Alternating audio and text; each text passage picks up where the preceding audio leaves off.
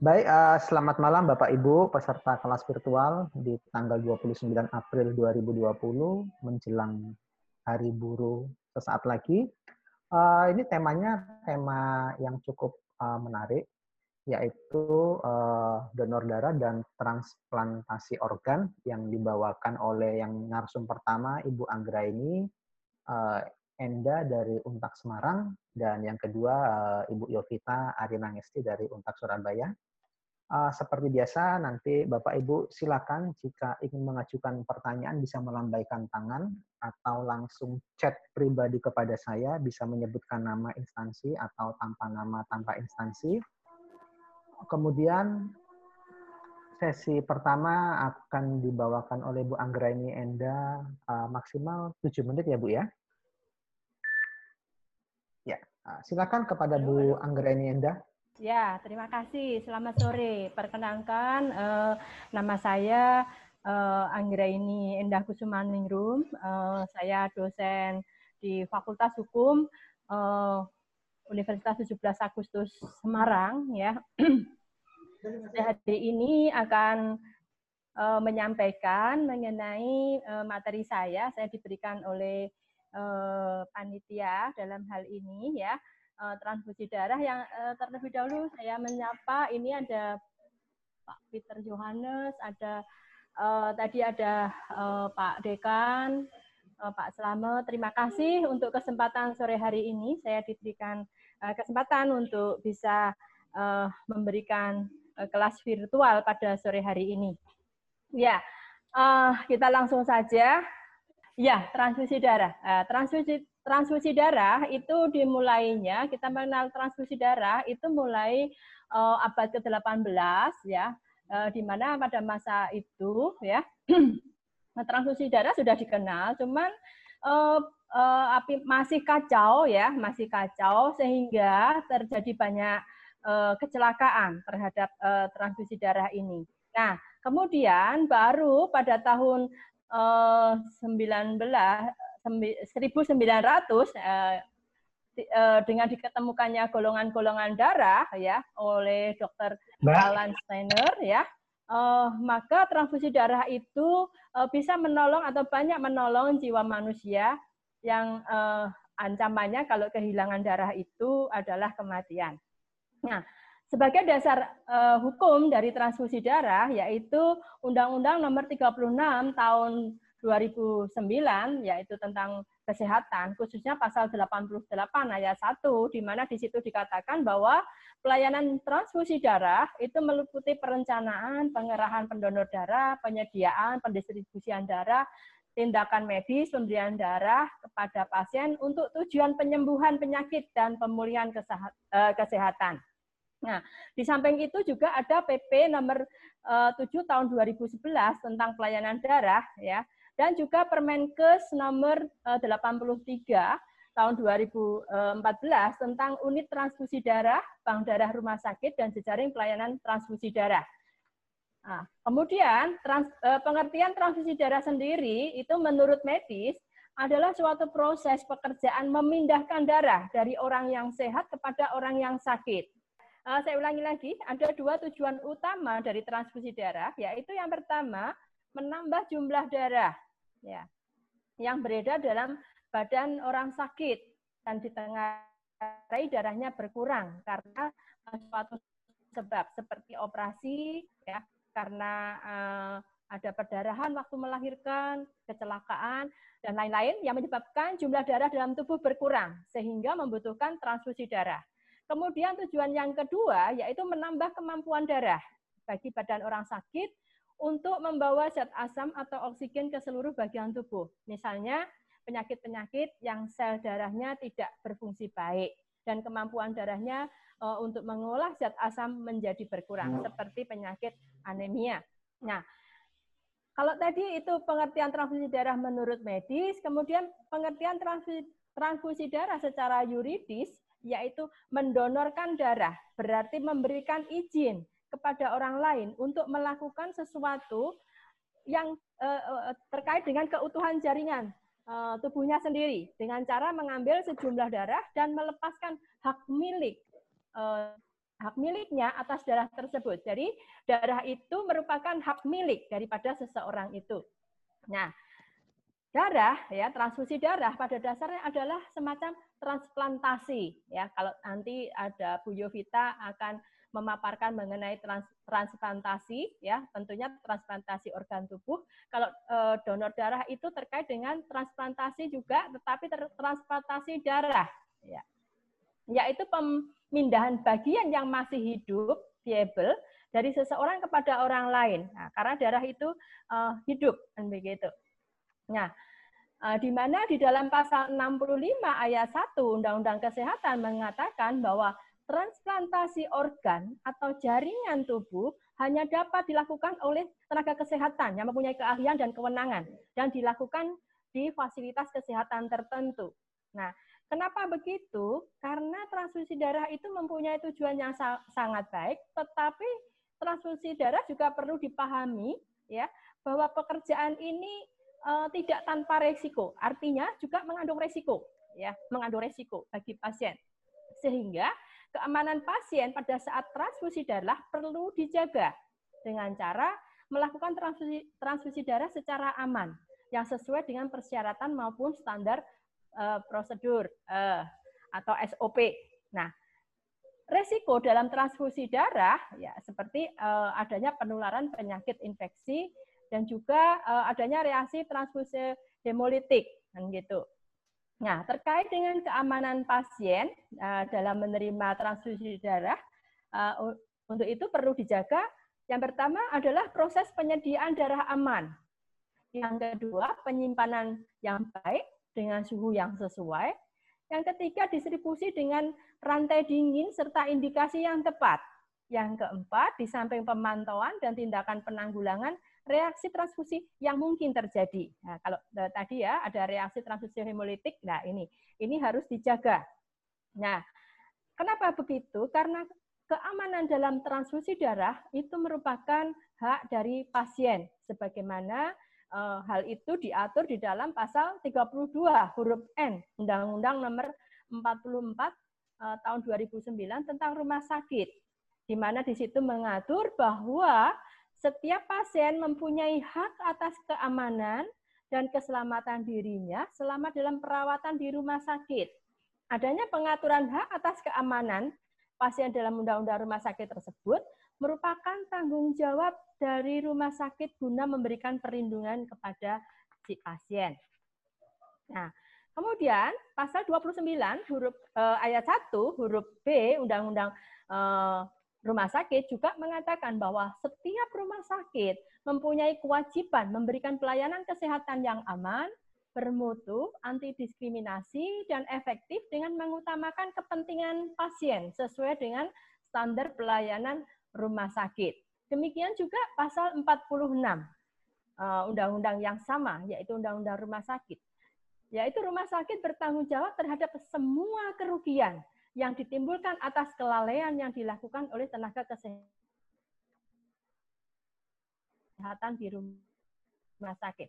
Jadi apabila pada saat darah terjadi kesalahan yang dilakukan oleh tenaga kesehatan yang melakukan transfusi darah, maka rumah sakit juga ikut bertanggung jawab. Ini seperti kasus yang ada di uh, Aceh kan gitu ya. Kemarin ada kasus di Aceh bahwa tenaga kesehatan ternyata ya melakukan transfusi darah, transfusi darahnya uh, keliru, uh, keliru uh, golongan darah yang dimasukkan ke tubuh pasien yang mengakibatkan pasiennya kemudian uh, apa bukan tambah sehat tapi tetap tambah menambah penyakit. Nah, selanjutnya jenis tanggung jawab hukum yang diberikan oleh rumah sakit terhadap kesalahan tindakan tenaga kesehatan yaitu ada tiga macam, yaitu pertanggungjawaban rumah sakit dalam hukum administrasi, ya pertanggungjawaban hukum eh, perdata dan pertanggungjawaban hukum pidana. Kita lihat pertanggungjawaban secara administrasi. Nah, terkait eh, pertanggungjawaban hukum administrasi ini, Bu Anggra ini uh, dua menit iya. lagi ya Bu ya. Oke, okay, ya. ya uh, sebentar, saya tinggal sedikit. Ya, pertanggungjawaban hukum rumah sakit ini ya eh, terkait dengan hukum administrasi itu terkait dengan kebijakan-kebijakan atau policy atau ketentuan-ketentuan yang merupakan syarat administrasi administrasi pelayanan kesehatan yang harus dipenuhi dalam rangka penyelenggaraan pelayanan kesehatan yang bermutu. Nah, pelanggaran terhadap hal tersebut akan menimbulkan sanksi administrasi. Yang pertama, yang e, untuk rumah sakitnya tersendiri yaitu pencabutan adanya pencabutan izin usaha atau pencabutan status badan hukum bagi rumah sakit. Kita tahu ada rumah sakit e, sekarang ini rumah sakit e, yang berbentuk PT, ada juga rumah sakit yang berbentuk yayasan atau rumah sakit yang memang milik pemerintah kan gitu. Nah, sedangkan bagi dokter dan tenaga kesehatan ya pertanggungjawaban rumah sakit terkait hukum administrasi itu adalah ada teguran lisan, teguran tertulis, pencabutan izin prakteknya atau penundaan gaji berkala atau kenaikan pangkat Eh, setingkat lebih tinggi. Itu secara hukum administrasi.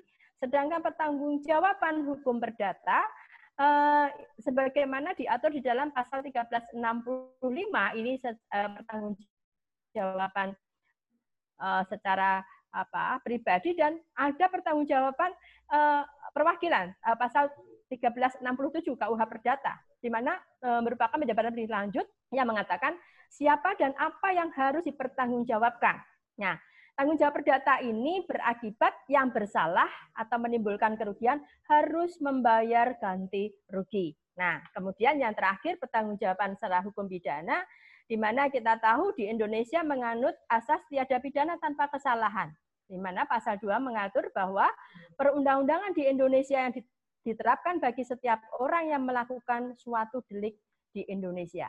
Jadi, setiap orang yang berada dalam wilayah hukum Indonesia dituntut untuk dapat mempertanggungjawabkan secara pidana atas kesalahan yang diperbuatnya. Jadi itu yang bisa saya sampaikan memenuhi eh, tujuh menit dari waktu yang disediakan kepada saya. Terima kasih. Ya.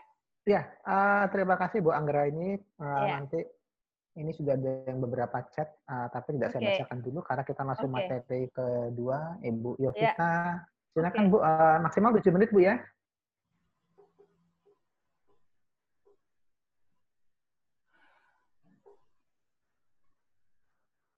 Ya, salam jumpa ya. semuanya. Ya, uh, kita ketemu lagi dalam bahasan yang uh, berbeda yaitu transplantasi organ di dalam hukum positif Indonesia ada enam hal di sesi ini yang saya mau uh, paparkan di sini dan saya harap kita bisa uh, sama-sama uh, untuk melihat apa sih yang uh, sekiranya mungkin kalau kita bicaranya tentu bertitik tolak dari uh, pertemuan yang sebelumnya. Jadi ada satu paradigma yang mau kita bangun untuk mengkritisi, untuk membawa hukum positif Indonesia ini ke arah hukum yang manusiawi. Jadi terkait dengan itu ada enam hal yang saya mau sampaikan. Pertama mungkin kita akan melihat dulu terminologi transplantasi organ itu seperti apa. Kemudian mengulang kembali penegasan bahwa paradigma di mana kita berpijak untuk mengkritisi persoalan transplantasi organ itu juga nanti akan saya paparkan. Kemudian juga bagaimana sih transplantasi organ di dalam hukum positif Lalu karena kita punya eh, undang-undang uh, atau lex spesialis uh, dalam hal penyelenggaraan transplantasi organ itu, itu juga akan kita lihat. Lalu ternyata ada hak dan kewajiban yang sudah diatur oleh undang-undang, ada hak kewajiban donor dan hak dan kewajiban resipien. Kemudian uh, bagaimana hukum positif ini memberikan suatu kekuatan uh, eksekutorial terhadap uh, perbuatan hukum terkait dengan transplantasi organ. Kemudian yang kita masuk yang pertama bahwa kalau kita lihat dari terminologinya di dalam hukum positif itu mengalami beberapa pergeseran. Pertama, eh, terminologi yang dipakai eh, tentang transplantasi itu bisa ditemukan di PP 18 tahun 1981 dan itu sudah lama sekali. Itu pun ada di dalam PP eh, tentang bedah mayat klinis dan bedah may, bedah mayat anatomis serta transplantasi alat atau jaringan tubuh manusia. Itu di tahun 1981. Penekanannya di situ adalah adanya eh, tindakan kedokteran untuk memindahkan alat atau jaringan tubuh untuk menggantikan alat atau jaringan tubuh yang tidak berfungsi. Kemudian kalau kita lihat di aturan uh, perundang-undangan yang uh, paling baru di tahun 2016 uh, yaitu pada Permenkes nomor 38 tahun 2016 di situ dikatakan bahwa transplantasi itu merupakan pemindahan organ dari pendonor ke resipien guna penyembuhan dan pemulihan masalah kesehatan. Nah, jadi uh, kalau kita lihat ada pergeseran penekanan pada terminologi yang diberikan oleh hukum positif, berarti dalam hal ini uh, ada pergeseran roh dari transplantasi itu sendiri untuk apa? Kemudian tadi paradigma, paradigma yang kita gunakan untuk membedah ini meskipun ini berada pada tataran hukum positif adalah bahwa kita melihat persoalan human dignity. Kemudian bahwa saya garis bawahi manusia itu bukan barang. Ya, jadi ketika kita mengatakan bahwa manusia itu bukan uh, barang, tentunya juga perlakuannya juga akan berbeda dan ini akan me, uh, menimbulkan sedikit kontra dengan apa yang diatur di dalam hukum positif. Kalau persoalan uh, bioetik di situ jelas sebenarnya tindakan itu mengandung nilai-nilai uh, etika kehidupan ya yang terumus di dalam prinsip-prinsip uh, bioetik dalam hal ini saya memilih bioetik principle. Kemudian juga kita lihat ke bagaimana sih transplantasi uh, organ menurut uh, hukum kesehatan. Diatur di pasal 64, 65, uh, kemudian 66, 67.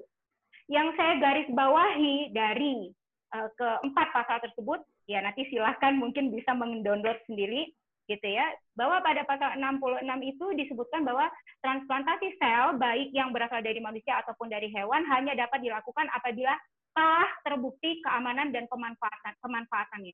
Jadi dalam hal ini berarti hukum itu melindungi atau menjadi legal protection dari semua kegiatan uh, apa transplantasi tersebut. Kemudian juga Eh, terkait dengan penyelenggaraan transplantasi organ uh, yang diatur di dalam Permenkes nomor 38 tahun 2016 itu tentu uh, penyelenggaraan transplantasi ini harus dilakukan oleh rumah sakit yang sudah mendapatkan penetapan sebagai rumah sakit penyelenggara transplantasi organ. Nah, tentu ini ada kaitannya bahwa di dalam undang-undang kesehatan secara umum tadi bahwa tindakan itu harus dilakukan dengan terbukti keamanan dan pemanfaatannya. Kemudian kalau tadi saya sempat singgung bahwa uh, pada uh, peraturan uh, sudah ditentukan adanya hak uh, dan kewajiban baik itu dari donor maupun resipien.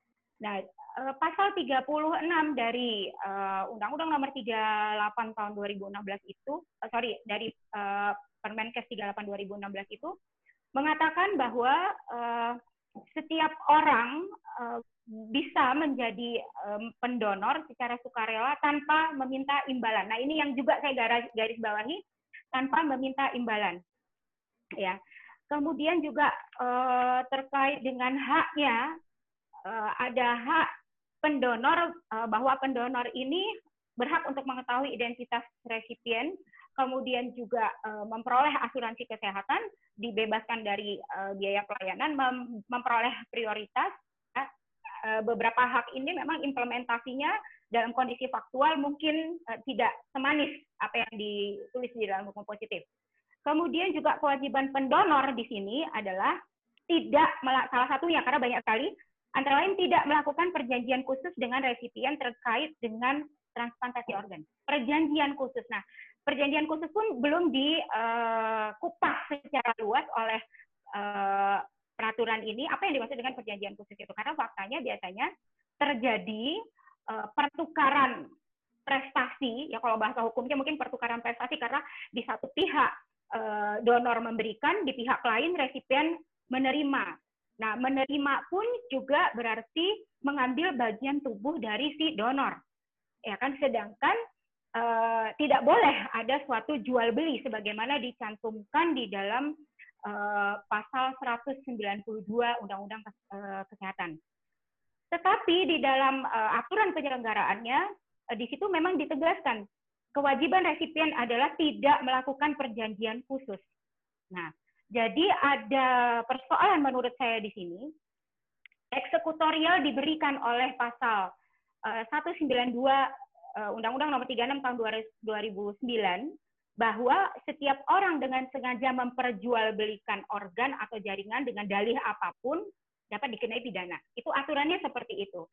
Tetapi menurut saya ada satu catatan di sini. Kalau kita mengatakan itu memperjualbelikan, berarti analoginya adalah kita melakukannya dengan alat tukar berupa uang. Tapi seandainya seorang uh, donor ini menerima tanda terima kasih atau apalah dari resipiennya, apakah ini juga bisa dianalogikan sebagai memperjualbelikan? Gitu ya, karena toh juga mendapatkan kenikmatan di situ. Tetapi di sisi lain, alangkah tidak manusiawinya juga karena sudah diberikan organ tubuh, sudah diberikan sebuah penghidupan, tetapi juga tidak tidak diberikan suatu kompensasi atau imbalan. Kok rasanya nggak manusiawi? Nah ini yang uh, menjadi semacam pro dan kontra ketika kita mau merumuskan sebuah norma di dalam hukum positif. Dalam hal ini saya menawarkan bahwa terkait bahwa manusia itu adalah persona, punya human dignity dan bukan barang, sehingga dalam bentuk apa pun tidak boleh dikomersilkan. Kita pakai kata dikomersilkan.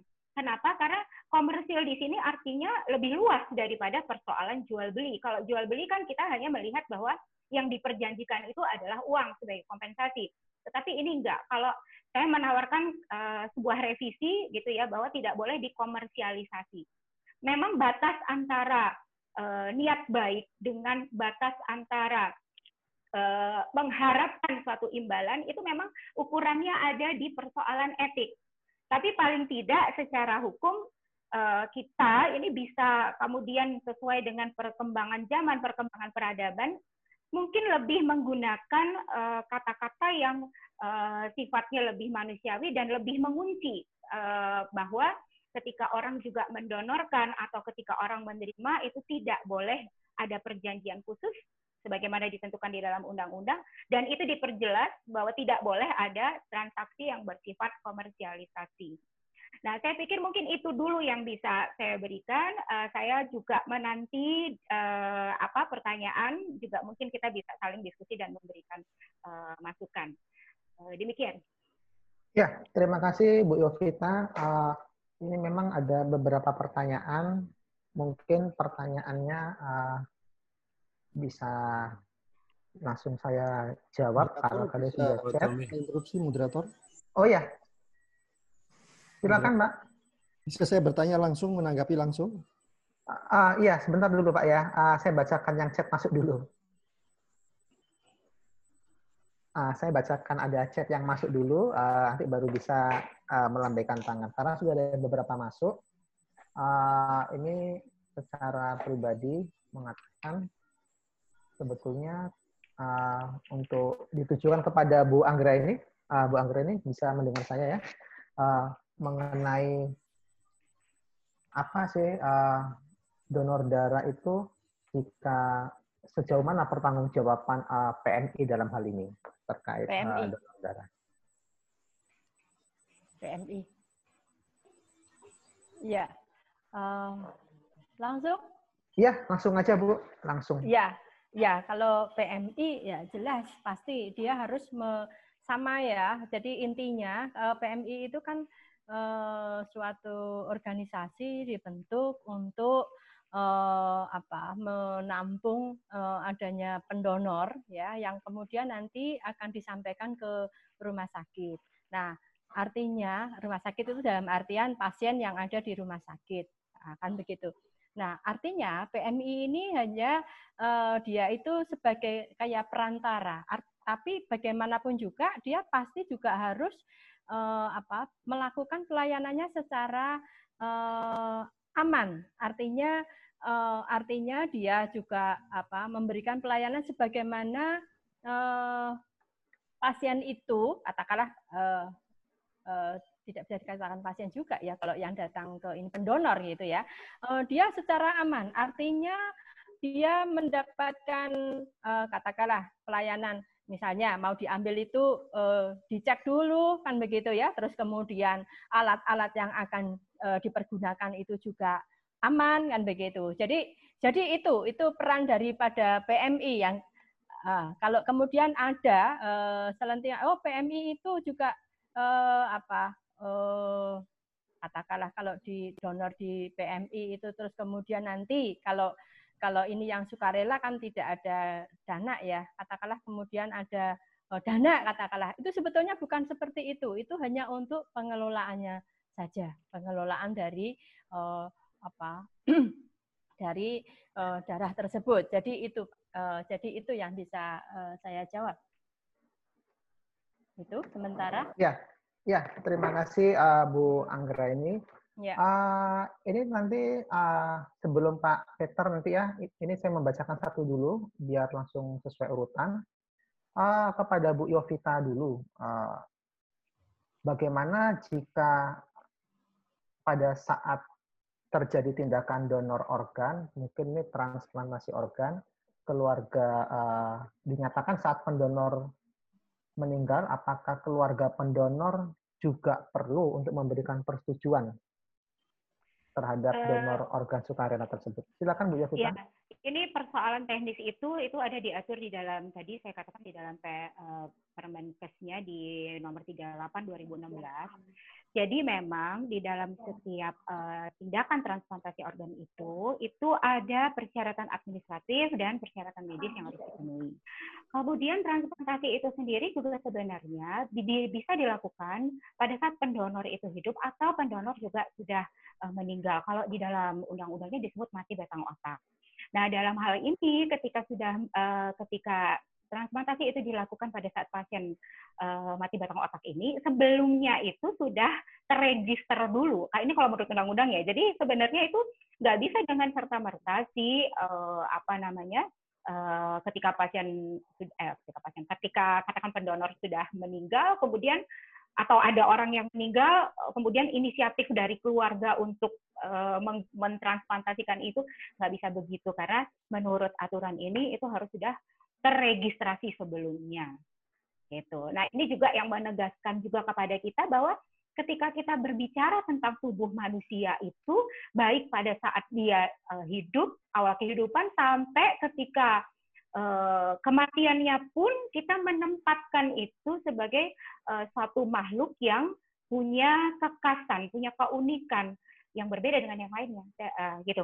Jadi untuk lebih jelasnya tentang persyaratan administratif dan persyaratan medis itu bisa dilihat di pasal uh, 18, uh, 19, ya dan dan seterusnya itu. Uh, begitu rasanya Pak Tommy. Ya, uh, Bu, uh, ini menunjukkan tadi habis itu sebelum ke Pak Peter. Uh, ini sebetulnya uh, teknis saja mengenai uh, donor kalau bertato. Bagaimana Bu? Mm -hmm apakah boleh uh, jika seseorang bertato untuk donor Saya, darah? Ke Bu Angga ya. ini ya. ke Bu Yovita juga, Bu Yovita ini.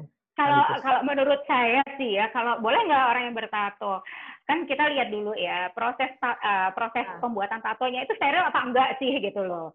Jadi kan uh, berpikirnya bahwa kalau misalnya pembuatan tatonya itu safe, saya pikir ya nggak apa-apa. Tapi kalau tatonya itu nggak safe, artinya tidak bisa menjamin bahwa dia tidak uh, orang ini bukan pembawa penyakit uh, menular katakan gitu atau orang ini tidak tidak membawa penyakit yang berbahaya begitu ya. Saya pikir itu masih boleh. Iya. Gitu. Saya jadi jadi upaya ya. upayanya itu cuma upaya setuju. untuk menghindari itu sih. Iya. Gitu. Cuma memang di dalam sini belum ada di dalam hukum positif itu memang belum diatur ya Bu Ang ya? Ya belum belum diatur. Uh, Tapi uh. bagaimanapun juga kan hmm. harus diketahui uh, pada saat orang itu mau donor itu kan sudah di checklist dulu, ada checklistnya dulu, kan begitu ya. Ada screening gitulah, harus lurus screening dulu. Ya, iya, ada, ada ini dia punya riwayat penyakit apa atau bagaimana, itu kan sudah ada terlebih dahulu, sehingga uh, jadi tidak uh, artinya begini, artinya tidak mendiskriminasi. Oh, kalau orang bertato itu mesti jelek kan tidak juga kan gitu ya. Jadi uh, terkait dengan kalau kesehatannya aman berarti uh, dia layak untuk donor ya sudah diberikan kan begitu. Jadi jadi kalau uh, menurut saya uh, itu kan gitu ya. Nah kalau tadi yang terkait dengan uh, persyaratan kalau uh, ini saya, saya nambahin aja yang Bu Yovita ya uh, apa terkait dengan apakah kalau sudah mati nanti keluarganya ikutan ikutan apa ikutan hmm. di situ katakanlah. Kalau saya eh, bagaimanapun juga yang namanya eh, transplantasi organ pasti ada inform consentnya ya Bu Yo. Kan begitu ya, ya? Uh, ada inform ya. consentnya dulu kan. Ya, bahasa ya, undang-undangnya jadi, harus inform consent dulu. itu uh, pasti itu harus tidak bisa, tidak bisa. Iya, tidak bisa tidak kan begitu. Jadi ada inform consentnya dulu uh, ya memang uh, kalau pasiennya dalam kondisi tidak sadar katakanlah Nah, tapi kan pada saat dulu dia sudah ada kesepakatan, artinya dia ada kesepakatan untuk akan e, mendonorkan organ tubuhnya kepada orang lain. Jadi jadi tidak serta merta eh, apa eh, karena dia sudah eh, dalam artian apa mau meninggal ya sudah eh, tubuhnya diserahkan tidak bisa seperti itu kan gitu ya makanya kemudian tadi dikatakan ada perjanjian khusus katakanlah seperti itu gitu ya Bu ya ya Monggo Betul. Pak Tommy ya. Ya. Uh, sudah ya, Pak Tommy. Cukup cukup saya melengkapi aja uh, kalau iya. mengenai ya. teknisnya itu memang sudah ada formulirnya secara lengkap. Ya, Kemudian okay. uh, yang ya, paling okay. utama kan uh, boleh tanya. Tanya Pak Tommy. Silakan, silakan. Siapa saya ini Pak Peter dulu? Pak Peter dulu dari tadi, Pak. Silakan, Pak. Ya, terima kasih Pak Tommy. Iya. Mohon, mohon izin pakai share screen supaya jelas dan supaya lebih anu ya uh, tidak terlewat. Ya. Boleh, boleh tanya? Ya, silakan dulu Pak Peter. Oh, ini ini bukan Pak Peter, Pak Rasid. Halo. Iya. Pak Peter dulu hmm. atau Pak Rasid ini? Pak Peter masih Pak Rasid saya menyiapkan saya menyiapkan share screen dulu. Silakan Pak Rasid. Oh, iya, oke. Okay. Pak uh, Rasid dulu, dulu ya. silakan. Oh iya. Ini masalah transplantasi organ ini ya. Kan Ibu tadi, Ibu Yunita mengatakan bahwa memang persoalan memang antara jual beli dengan keikhlasan itu kan agak tipis itu. Ya kan? Nah, memang persoalannya di kedokteran itu memang agak bingung masyarakat biasanya antara etika dan etiket. Hmm. Sebenarnya kan kalau transplantasi organ itu yang diutama adalah etik, bukan etiket. Hmm. Nah, kalau etiket etiket itu kan keikhlasan ucapan terima kasih itu kan kalau dimaksud tindak pidana korupsi bagian dari penyuapan sebenarnya itu. Jadi sebenarnya kalau profesi dokter dia tidak boleh ber, be, membawa itu di bawah wilayah etiket, tapi wilayah etika saja. Nah ini pertanyaan saya, eh, karena di dalam praktek itu kadang-kadang antara etika dengan moral itu kan tidak jelas itu. Kalau di Indonesia itu, kalau di Eropa jelas itu antara etika dengan moral. Ya kan? Kalau etika itu hubungan interaksi antara sesama manusia kalau moral itu hubungan ke atas. Nah sehingga disebut dengan biasanya ahlak kalau dalam agama Islam kalau agama lain biasa ada budi pekerti begitu. Nah kalau etika itu kan berpengaruh di lingkungan di mana seseorang itu. Nah memang saya lihat problemnya itu kalau Permenkes itu nomor 38 2016 itu memang transplantis organ itu pertama harus ada informat konsen. Nah, yang kedua memang terregistrasi. Tapi tidak menutup kemungkinan spontanitas dari keluarga itu bisa mentransportasikan walaupun tanpa informat apa perjanjian terlebih dahulu karena mayat itu dua kemungkinan bisa bagian dari diri orang yang meninggal, yang kedua bisa dari pewaris. Iya. Kira begitu. Bagaimana? Ibu dokter yang menanggapi. Terima kasih. Ya, uh, ya. ini sekalian nanti uh, sebelum dijawab, tadi saya juga uh, ada pertanyaan uh, ini hmm. mengenai bagaimana sih kalau ucapan terima kasih kan pemberian uang dilarang, tetapi bentuknya merupakan hadiah, misalkan uh, tidak kurang dari juta satu juta, apakah ini termasuk dilarang? Mungkin nanti ini akan dijawab setelah penjelasan dari Pak Peter. Pak Peter mohon uh, maksimal lima menit ya, bisa memaparkan atau mungkin sharing. Silakan atau saya jawab dulu ya biar saya juga nggak lupa. Nanti sebentar ya Pak Peter. Oh, Ibu, nanti saya langsung ke Pak Peter ya Pak Peter izin. Oke okay, jadi silakan, begini silakan. Uh, pijakan kita ya uh, kita menggunakan prinsip uh, bioetik yang prinsipal. Jadi ada empat itu ada respect for autonomy. Jadi itu memberikan keluasan untuk mendonorkan organ itu sebagai sebuah perbuatan yang mulia.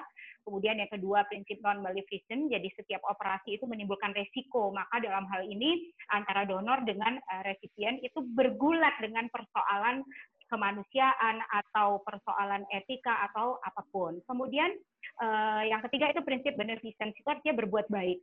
Kemudian yang keempat itu justice for fairness. Jadi ada uh, keadilan, ada rasa keadilan uh, dalam proses donasi.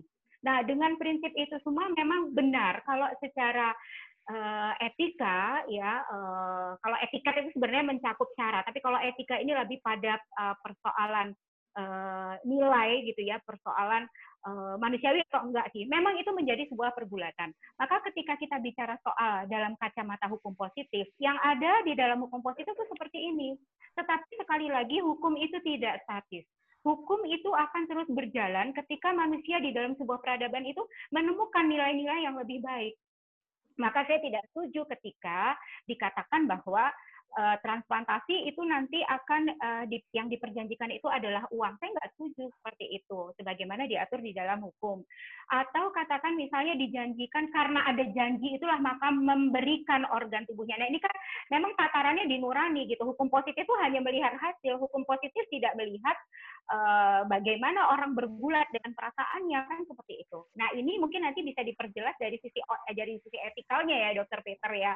Uh, itu seperti itu. Tapi yang jelas kalau kita lihat, makanya saya ingin sebenarnya istilah yang digunakan di dalam hukum positif itu dia tidak menggunakan terminologi menjual beli, tapi mengkomersialisasi. Karena semakin panjang orang akan berjalan peradaban semakin modern, jual beli yang tadinya uang pun bisa diganti dengan alat tukar yang lain. Mungkin seperti itu. Monggo Dokter Peter. Ya, silakan. Terima kasih. Selamat malam Bu Yuvita, Bu Anggreni, Pak Tommy. Ya. Apakah suara saya cukup jelas suara saya dan jelas jelas cukup ya, jelas? Ya. Baik. Ya. Uh, saya menggunakan share screen supaya uh, jelas dan nanti tidak terlewat. Jadi nanti pada saat uh, mungkin kedua pembicara saya minta menanggapi Bu Yovita dan Bu Anggra ini bisa menggunakan urutan ini supaya tidak terlewat. Jadi saya berbicara yang pertama tentang it, kerisauan etik ya, ethical concern pada waktu transplantasi organ. Dan kalau kita bicara transplantasi organ, maka eh, hampir 90% itu tentang ginjal. Ya, Memang ada transplantasi jantung, eh, hati, dan sebagainya, tapi ginjal. Dan ini yang banyak menimbulkan masalah. Karena eh, kita penduduk Indonesia itu kan sekitar 270 juta. Itu 200 ribuan itu sedang antri untuk dilakukan transplantasi. Sedangkan kemampuan kita itu hanya satu persen. Jadi hanya sekitar 2.500 ya. yang bisa. Dan itu pun sebagian besar ada dua macam donor ya, yang living donor dan uh, deceased hmm. donor. Jadi donor hidup dan donor dari orang yang baru saja meninggal.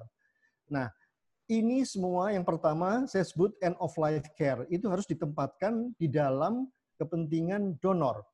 Kenapa demikian? Karena terutama untuk donor orang hidup atau donor meninggal sekalipun, itu tidak boleh mengabaikan kesehatan atau keselamatan pihak donor. Nah, untuk donor yang meninggal, kita menggunakan prinsip DCD ya, atau donation after uh, circulatory death. Jadi setelah jantung berhenti. Nah, jangan sampai karena ada uh, rencana donor, lalu pertimbangan-pertimbangan untuk keselamatan pasien itu terabaikan atau dinomor duakan.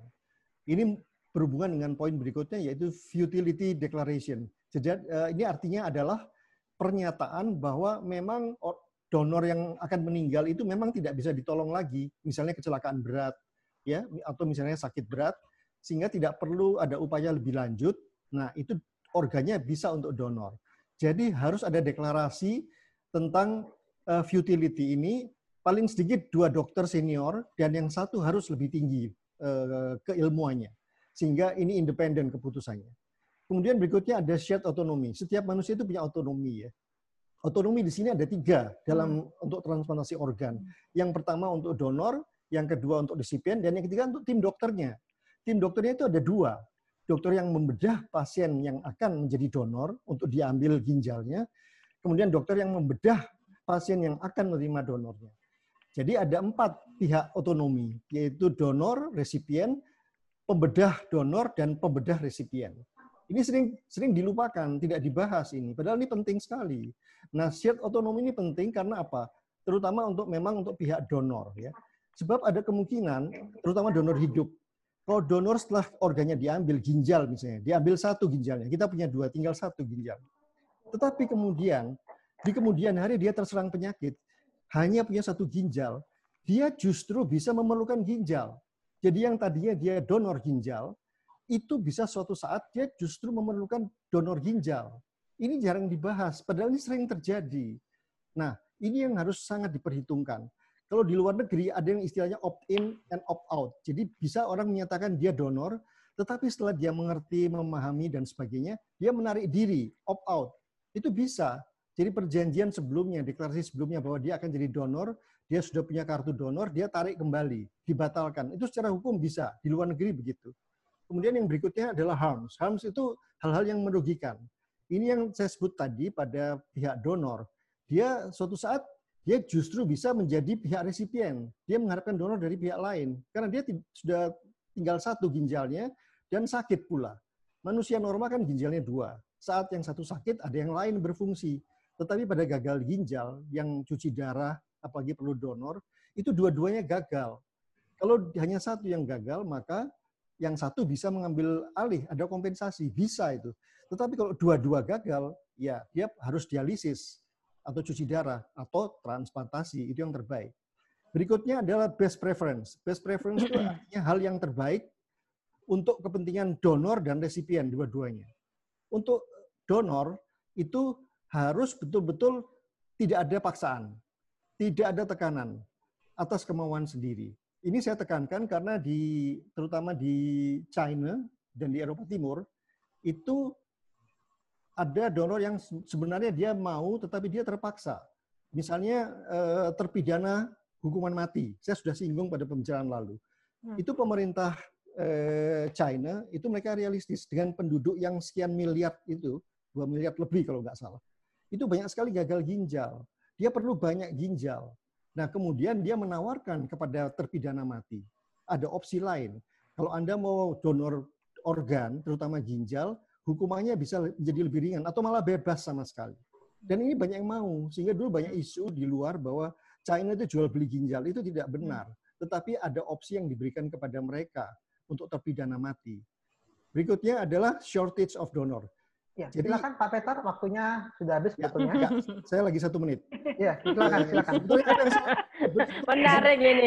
Saya, yang saya tanggapi ini penting, karena tidak ada pembicara kedokteran dari tadi. Iya, betul, betul. Tapi kalau ya. saya, saya, saya menghormati, uh, saya menghormati uh, moderator. Kemudian shortage of donor, ya kekurangan donor. Di Indonesia tadi saya sudah katakan, sekitar 200 ribu perlu donor. Yang mau donor tuh itu pun donor sudah meninggal hanya 2.500. Yang donor yang masih hidup atau living donor, terutama dari keluarganya, itu mungkin hanya sekitar 1.000 orang. Yang perlu itu 200 ribu. Bisa hmm. dibayangkan itu. Jadi harus perlu pertimbangan yang realistik. Yang terakhir, saya singgung tentang eh, donasi darah atau ya, ya. donasi darah itu memang perlu inform consent. Tadi sudah disinggung betul. Iya, betul. Saya tahu pasti bahwa Palang Merah belum melakukan ini. Kalau kita donor ya. darah, saya rasa akan semua banyak sudah donor darah ya. Hmm. Saya kebetulan sudah 142 kali, jadi sudah hafal. Keren. Jadi pada waktu donor kita hanya mengisi data kita pernah sakit ini enggak, yang ya. ini enggak. Ya. Tapi cuma itu, bukan pernyataan bahwa saya bersedia dengan sukarela transfusikan darah dengan segala risiko yang sudah saya mengerti dan informasi yang sudah saya dapat. Itu tidak ada. Tidak ada. Saya sudah pernah eh, tanyakan ini pada waktu saya ke Jakarta, waktu dapat 100 kemudian dapat ketemu Presiden SBY. Itu waktu itu Wakil Presiden Yusuf Kala Ketua PNI. Saya sudah katakan Pak, ini tolong Pak dibenahi. Ya oke kami akan benahi. Tapi kami sekarang belum. Saya rasa itu yang ingin saya sampaikan saja dan ya. eh, mungkin saya mohon tanggapan dari Bu Anggreni dan Bu Yuvita tentang hal-hal yang saya sebut ini supaya tidak kelewatan uh, share screen ini bisa sementara. kalau hafal saya ya. saya saya, saya, saya kalau hafal. Tapi ini ya, mungkin saya nanggapin ya, saya nanggapin sebentar deh. Uh, Ya, terima kasih dok atas uh, masukannya karena memang uh, perspektifnya pasti dari perspektif kedokteran dan etik. Nah, inilah yang saya, uh, saya sebagai orang yang uh, katakan saya penstudi hukum di dalam hal ini memang uh, pada faktanya memang hukum itu sekali lagi tidak statis. Hukum itu akan berkembang dan inilah gunanya satu studi interdisipliner, gitu ya. Jadi secara hukum positif kita tahu bahwa mungkin ada kekurangan se, uh, apa hmm, hal-hal yang kurang, tapi dengan studi interdisipliner seperti ini berharapnya melalui uh, apa tulisan kami nanti yang secara khusus akan akan diterbitkan bukunya, mungkin itu juga bisa memberikan sebuah pencerahan untuk pembentukan hukum di masa mendatang karena sekali lagi hukum nggak statis. Bukan berarti hukum itu tidak bisa berubah. Itu dan paradigma ketika hukum itu berfungsi sebagai social control atau social engineering pun itu masih akan berproses begitu dok. Jadi saya terima kasih sekali untuk. Uh, saya, saya interupsi. Ya.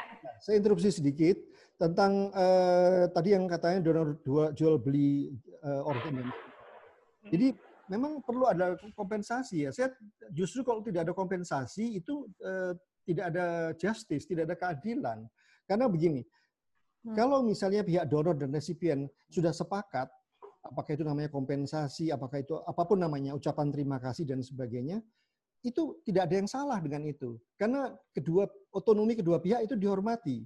Justru kalau tidak dihormati, jadi misalnya dia menerima organ, tetapi tidak ada kompensasi apa pun, itu tidak bisa juga karena merugikan otonomi yang lain. Justru tidak etik, unethical itu.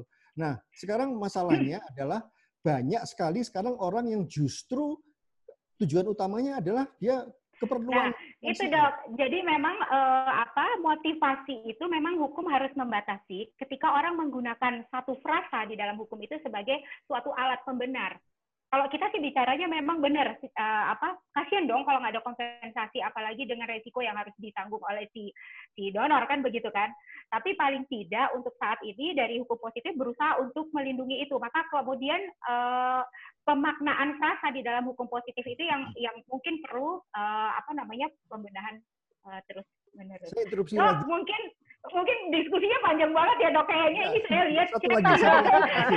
Satu lagi terakhir. maaf jadi saya dari segi kepentingan uh, keselamatan uh, masyarakat ya. Sekarang ya. itu kita perlu sekali anda mungkin punya keluarga punya teman yang cuci hmm. darah. Tahu nggak bagaimana penderitaan mereka?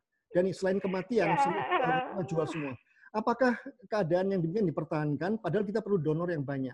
Padahal banyak donor yang bersedia kalau ada kompensasi. Apakah kita hanya hipo, hipokrasi aja. Jadi kita bilang oh enggak boleh begini, enggak boleh begitu. Tetapi makin banyak orang mati karena uh, gagal ginjal. Padahal itu sudah bisa diatasi. Terima kasih. Ya. Ya, kalau saya nyambung uh, terkait dengan apa belum adanya inform consent.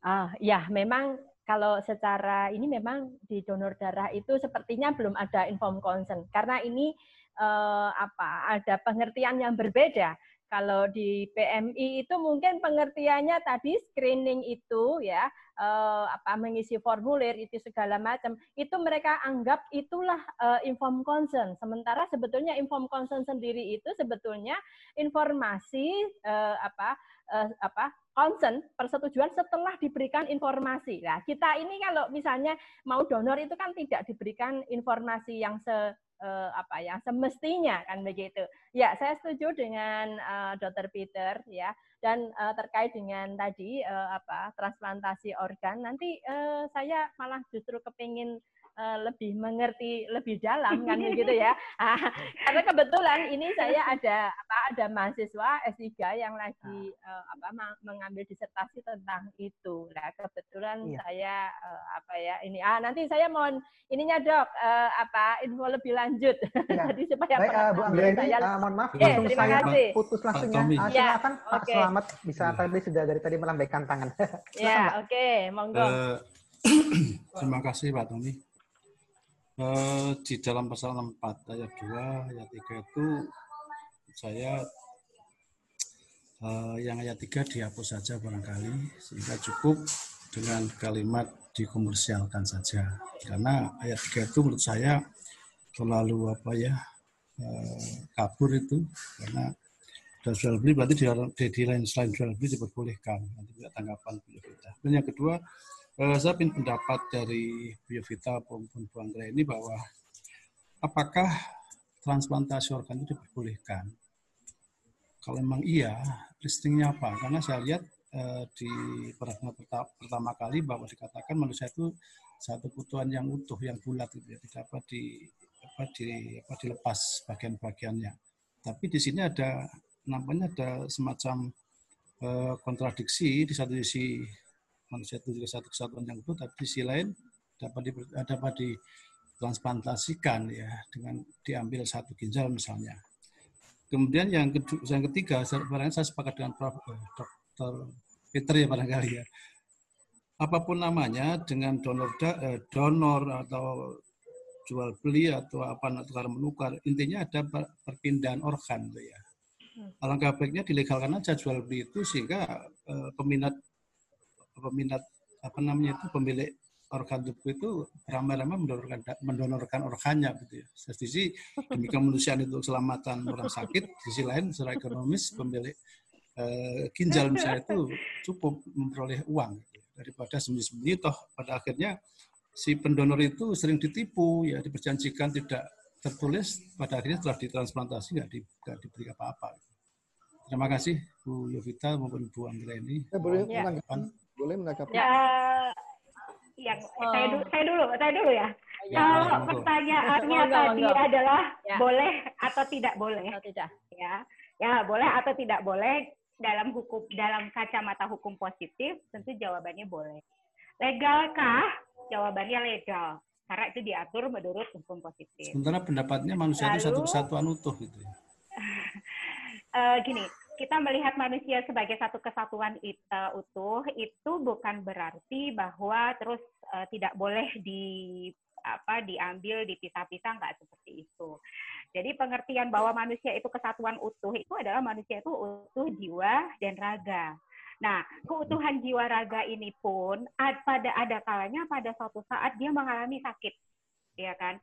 Nah, ketika ini mengalami sakit dan uh, membutuhkan membutuhkan pertolongan orang lain demi yang kita bilang tadi paradigma di awal itu bahwa demi sebuah kehidupan demi sebuah uh, apa uh, perbuatan yang juga baik dari baik dari donor juga baik dari revisian kenapa enggak Nah, persoalannya yang ya. terjadi, ya. hmm. tunggu dulu Pak, persoalan yang terjadi di dalam hukum positif itu adalah persoalan jual beli tadi kan. Nah, ini memang kembali lagi ke ke nilai rasanya kita gitu. Jangan sampai undang-undang tidak membatasi lalu terjadi uh, eksploitasi atau instrumentalisasi manusia menjadi barang. Nah, itu yang yang dihindari di dalam hukum positif. Jadi, saya pikir rasio legisnya kenapa pembuat undang-undang memberikan batasan-batasan itu supaya itu tadi supaya tidak terjadi satu eksploitasi atau orang menggunakan bagian tubuhnya diinstrumentalisasi sebagai suatu alat untuk memperoleh komoditi. Nah itu yang saya pikir nggak bolehnya tuh di situ. Gitu. Ya maksudnya kemanusiaan ya? Ya, kita berbicara bahwa undang-undang itu adalah untuk siapa sih? Untuk manusia kan, gitu. Hmm. hmm. Nah itu. Ya. Mungkin nanti Bu Anggreni. Ya, kalau saya Silakan, terkait dengan ya, kalau saya terkait dengan uh, darah, ya beda dengan kalau tadi ginjal. Kalau ginjal itu di tubuh manusia hanya ada dua, kan begitu ya. Tapi kalau darah ini kan diproduksi terus, oleh karena itu ya boleh ya. Dan itu eh, apa demi kemanusiaan juga dan justru itu dianjurkan. Karena apa? Supaya darah ini senantiasa baru kan begitu. Tadi Pak Peter malah sudah berapa kali Pak? 100 berapa kali Pak? 120 kali atau berapa Pak tadi ya Pak ya? Nah, jadi jadi kalau eh, apa donor darah boleh, tapi kalau donor uh, organ yang lain ya, terutama kalau ginjal karena ginjal itu hanya dua, kalau diambil satu ya udahlah. Karena secara kedokteran uh, manusia pakai ginjal satu masih bisa hidup. Ya ini demi kemanusiaan kan itu ya. Ya ya sudah kan begitu ya. Uh, dan itu undang-undang juga mengatur meskipun ya uh, tidak terus kemudian uh, ya sudah kalau begitu dilegalkan saja kenapa tidak ya? Nah kalau sudah dilegalkan terus akhirnya ya itu tadi nanti ya. Tidak ada aturan terus akhirnya orang menjual uh, belikan uh, organnya. Uh, legalit, legalitasnya bisa dituangkan dalam undang-undang karena karena begini kan sebenarnya kan begini loh Pak. ya. kalau oh, kalau bicara soal legal dan tidak legal kan memang kita mau ya. gimana lagi? Kita patokannya adalah iya. undang-undang. Ya. iya undang-undang legal berupa kan gampang undang-undang. Sulit undang-undang. Ya, enggak enggak enggak itu juga Pak. iya. Enggak juga seperti itu Pak jadi memang iri irisannya irisannya itu antara persoalan etik dan persoalan ya. hukum kan gitu ya. Kalau uh, Peter, uh, etik enggak ya. Karena nanti apa dianggapnya itu barang kan begitu ya. Tadi iya, nah itu. sudah bolak-balik uh, ngomongnya uh, ini nih uh, bukan barang kan begitu ya. Ya, jadi semoga ini. Baik, uh, Bu Yovita, Bu Anggra ini. Nah, ya. Uh, silakan uh, langsung justifikasi atau statement penutupnya. Ada tanggapan satu bisa? Uh, jangan lama-lama, Pak. Setengah menit. Ya. Silakan, silakan setengah menit. Tidak perlu share ya, screen ya. Begini, begini. Ya, ya, saya singkat saja. Saya hanya mau menekankan uh, uh, secara bioetik itu akan selalu mendukung, selalu linier dengan kesehatan. Karena apa? Dasarnya sama. itu uh, pro human life dan pro human rights. Jadi kita tidak pernah antara etik dan kesehatan itu saling melindungi. Yang pertama tadi saya sudah sebut otonomi ya. Apakah itu dalam soal uh, donasi darah atau donasi organ, hmm. itu selalu dasarnya otonomi itu. Jadi kalau tadi soal organ itu yang donor dikurangi haknya tidak boleh menerima imbalan itu sudah melanggar ya. otonomi dan hak asasi dia untuk menerima imbalan itu. Sepakat. Itu saja yang ingin saya tambahkan. Terima kasih. Ya. Sepakat, Silakan, dokter. Bu Yovita sama Bu Anggra ini bisa memberikan uh, closing statement. Bagaimana? Ya, monggo mungkin Bu Mbak Anggra ini dulu ya. ya. ya. Menarik soalnya ini. Kalau saya yang namanya apa uh, donor itu ya sesuai dengan hati nurani lah ya kan gitu ya bagaimanapun juga kita manusia eh, apa punya hati nurani kalau katakanlah memang eh, apa ya Tuhan sudah mengatakan juga kalau misalnya kita tidak bisa berdonor dengan eh maaf bukan eh, kita berkorban dengan harta benda kita ya sudah dengan tubuh kita pun boleh ah, tapi tetap ada koridor-koridor hukum yang harus uh, dipenuhi. Karena bagaimanapun juga hukum itu dibuat untuk kebahagiaan manusia, bukan hukum dibuat untuk menyengsarakan manusia, tapi hukum dibuat untuk mem uh, membahagiakan manusianya. Demikian uh, closing saya. Uh, silahkan monggo Bu Yovita. ya, uh, saya masih tetap dengan statement saya di awal tadi bahwa tubuh ini harus kita cintai, gitu ya. Tubuh ini tidak bisa diinstrumentalisasi. Maka ketika kita pun mau menjadi donor, janganlah gunakan untuk motif uh, mencari keuntungan diri, tapi untuk perjuangan uh, yang berpihak pada nilai manusia, kemanusiaan. Kalaupun menjadi resipien, juga harus uh, senantiasa memperjuangkan nilai manusiawi bagi orang yang sudah mendonorkan. Uh, terlepas apakah hukum itu saklek atau hukum itu memberikan batasan yang mungkin juga tidak memuaskan kita ketika kita melihat dari berbagai uh, disiplin ilmu, itu bukan satu masalah. Karena sekali lagi hukum juga bukan satu hal yang absolut, mutlak atau statis untuk sepanjang masa.